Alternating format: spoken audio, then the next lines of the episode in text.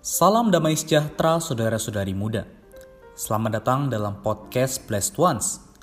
Tahukah kamu bahwa kamu adalah orang yang sangat diberkati oleh Tuhan? Karena sejak muda kamu telah mengenal hidup gereja.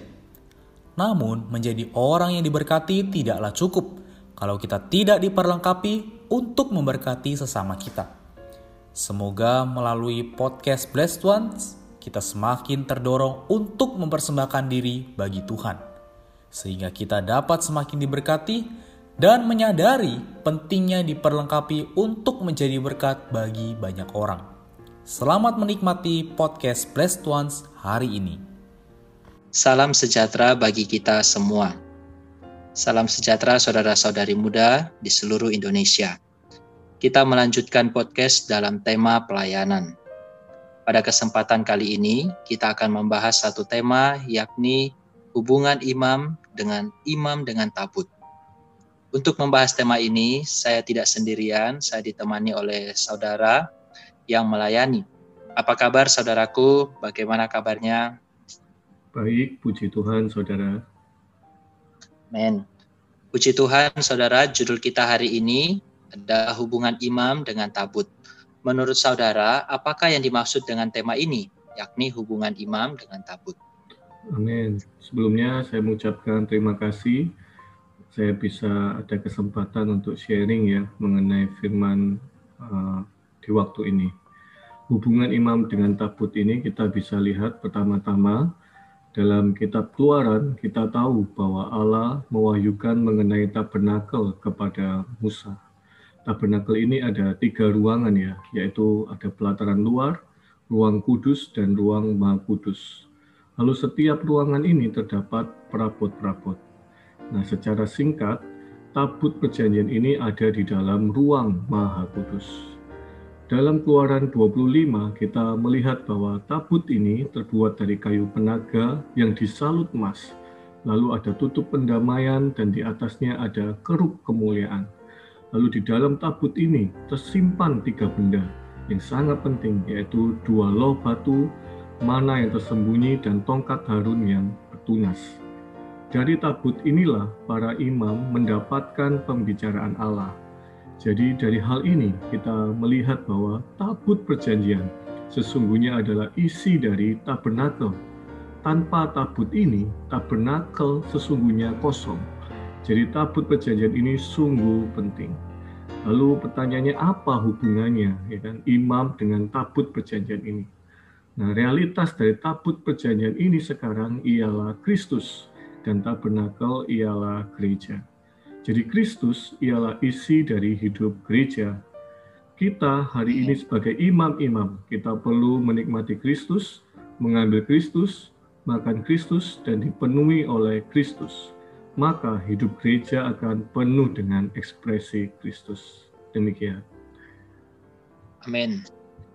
Jadi dari ulasan saudara kita, kita bisa melihat bahwa pentingnya tabut ini di dalam tabernakel.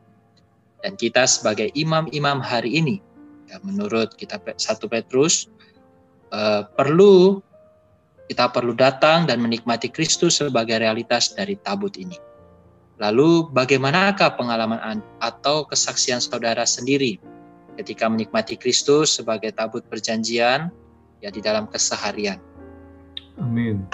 Ya, firman ini tidak boleh hanya sebagai doktrin ya, tapi harus sebagai pengalaman kita, saudara-saudara. Tadi saya ada yang terlewat bahwa tabut ini juga disebut tabut kesaksian. Jadi melalui tabut ini kita mengenal siapakah Allah dia adalah Allah yang kudus, Allah yang adil benar, Allah sang kasih, dan Allah terang. Lalu tadi saya juga ada berkata bahwa ada keruk. Keruk ini disebut keruk kemuliaan. Mulia itu berarti Allah diekspresikan dan Allah dinyatakan. Jadi dari sini kita nampak bahwa di dalam tabut ini ada Allah yang adalah. Lalu di luar ada Allah yang terekspresikan. Lalu dalam pengalaman saya, ketika saya datang pada Kristus, realitas dari tabut perjanjian ini, saya semakin mengenal siapakah Allah. Dan saya juga mengenal siapakah saya, yakni saya yang telah kehilangan kemuliaan Allah. Tuhan menerangi saya. Saya mungkin mengasihi, tetapi kasih saya berasal dari diri sendiri, oleh diri sendiri, dan untuk diri sendiri. Mungkin saya sabar, kesabaran saya pun juga demikian. Pelayanan saya pun juga sama. Oh, segalanya untuk diri sendiri. Jika semuanya dari saya, untuk saya, bagaimana Allah bisa diekspresikan? Standar dari hidup gereja ialah kemuliaan Allah, bukanlah standar manusia kita. Ketika saya nampak terang demikian, puji Tuhan ada darah Tuhan yang mustika, yang siap membasuh dan menyucikan saya, sehingga saya bisa kembali hidup bagi kesaksian Allah. Demikian. Amin. Puji Tuhan atas pengalaman yang sangat baik.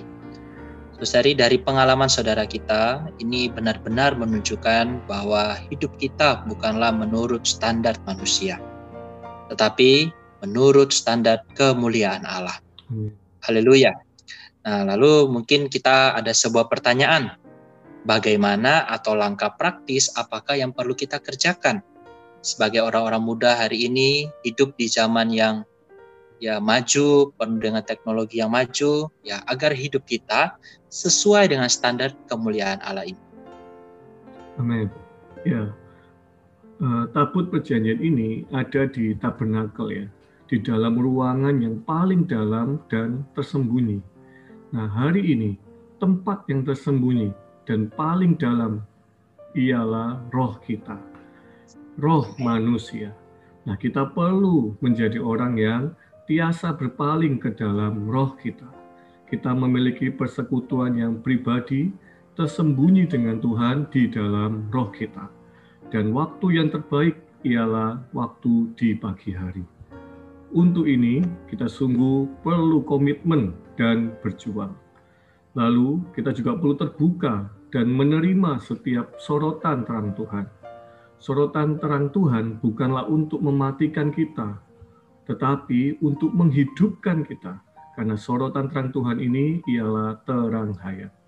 Karena itu kita juga melihat ya, di dalam tabut perjanjian ini juga ada mana yang tersembunyi dan tongkat Harun yang bertunas, yang juga membuat kita menerima perawatan, suplai dari kekayaan Kristus, dan kuat kuasa dari kebangkitannya. Amin. Puji Tuhan, saudari, Eh, kita melihat bahwa melalui firman ini kita bisa menyimpulkan satu hal bahwa hari ini di zaman ini kita perlu sungguh-sungguh kembali ke dalam roh kita. Amin. Kita perlu memiliki kehidupan yang senantiasa berpaling ke dalam roh. Amin. Dan sesungguhnya inilah pelayanan kita yang sejati. Amin. Besarnya pelayanan sejati bukanlah kita mengerjakan banyak hal, tetapi bagaimana kita di dalam roh bisa mendapatkan pembicaraan Allah. Amin. Kita bisa dipenuhi oleh Allah dan akhirnya kita bisa menjadi ekspresinya Allah hari ini. Amin. Semoga saudari muda melalui firman malam ini, firman hari ini kita boleh terdorong. Kita menjadi orang yang berdiri mengejar bahwa hari ini me, apa, mengejar bahwa Allah dimuliakan di atas kehidupan kita. Amin. Demikianlah podcast hari ini. Tuhan sampai jumpa di podcast berikutnya. Tuhan Yesus memberkati. Amin. Sekian podcast Blessed Ones hari ini. Kami akan kembali pada podcast berikutnya. Anugerah dari Tuhan Yesus Kristus dan kasih Allah dan persekutuan Roh Kudus menyertai kita semua.